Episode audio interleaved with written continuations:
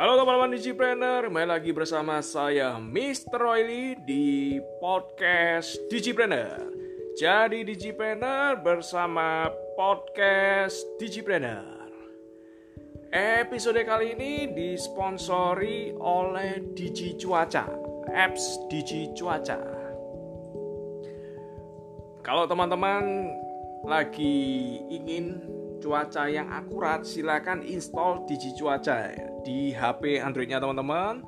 Karena ini adalah startup milik anak bangsa buatan karya gerakan buatan lokal ya. Jadi kita membantu Digi Cuaca membantu pemerintah terutama Presiden Jokowi untuk mensukseskan gerakan 1000 startup dan oleh karena itu Digi Cuaca dibentuk dengan algoritma lokal, dengan algoritma buatan Indonesia. Jadi silakan teman-teman dan ini sangat akurat, lebih akurat daripada aplikasi cuaca di HP bawaan teman-teman. Silakan praktekkan saja dan install di aplikasi Android di smartphone-nya teman-teman. Digi Cuaca Apps. Di episode kali ini saya ingin membahas hal yang bagus ya.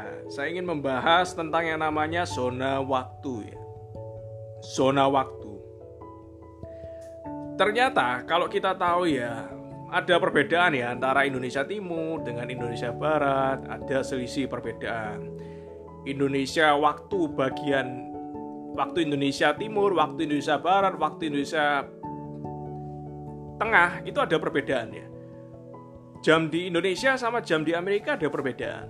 Jam di New York sama jam di California ada perbedaan. New York 3 jam lebih awal daripada California ya. Bukan berarti California lebih lambat, New York lebih cepat enggak, tapi semuanya berada di zona waktunya masing-masing ya, zona waktunya masing-masing. Dan manusia juga seperti itu, manusia punya zona waktunya masing-masing ya ada orang yang lulus kuliah usia 22 tahun ya kan? Barusan lulus 22 tahun. Tapi lima tahun nggak dapat kerjaan ya. Lima tahun nggak dapat kerjaan. Baru dapat kerjaan setelah usia 27 tahun. Ada yang seperti itu. Ada orang lain yang baru lulus kuliah itu 27 tahun ya. Jadi baru lulus kuliah usia 27 tahun langsung dapat bekerja. Semuanya berada di zona waktunya masing-masing. Ada orang sukses menjadi CEO, ada orang sukses jadi direktur suatu perusahaan usianya 25 tahun ya kan. Tapi meninggal usia 50 tahun. Yang lain ada yang jadi pengusaha sukses, CEO di usia 50 tahun, hidup sampai 90 tahun. Jadi semua orang berada di zona waktunya masing-masing. Ada orang macam-macam ya. Jadi setiap orang itu bekerja dan berprestasi itu sesuai zona waktunya masing-masing ya.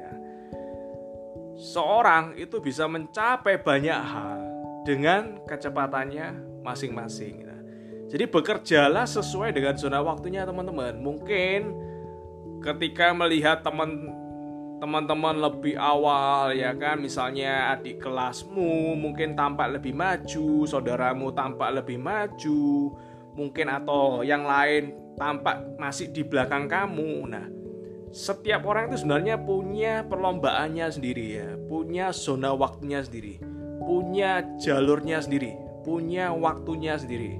Dan yang di atas itu punya rencana yang berbeda bagi masing-masing orang ya. Waktu yang berbeda bagi masing-masing orang.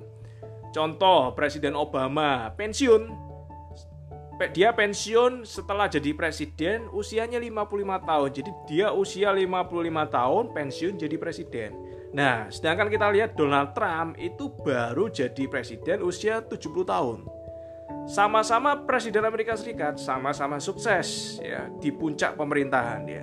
Ada yang usia 55 tahun, ada usia 70 tahun. Nah, semua orang berada di zona waktunya sendiri. Jadi jangan iri kepada orang lain kok mereka lebih maju daripada kita, kok mereka lebih cepat daripada kita. Dan kita juga jangan mengejek orang yang di belakang kita. Kok kamu lambat sekali ya? Kok kamu nggak berprestasi? Usia sudah hampir kepala tiga, usia udah lebih dari kepala tiga, tapi nggak ada prestasi apa pun ya. Kenapa? Karena itu zona waktunya mereka sendiri ya. Dan kamu pun juga punya zona waktu sendiri. Jadi sebenarnya ya yang namanya nasib itu tidak ada kata terlambat tidak ada juga yang lebih cepat ya.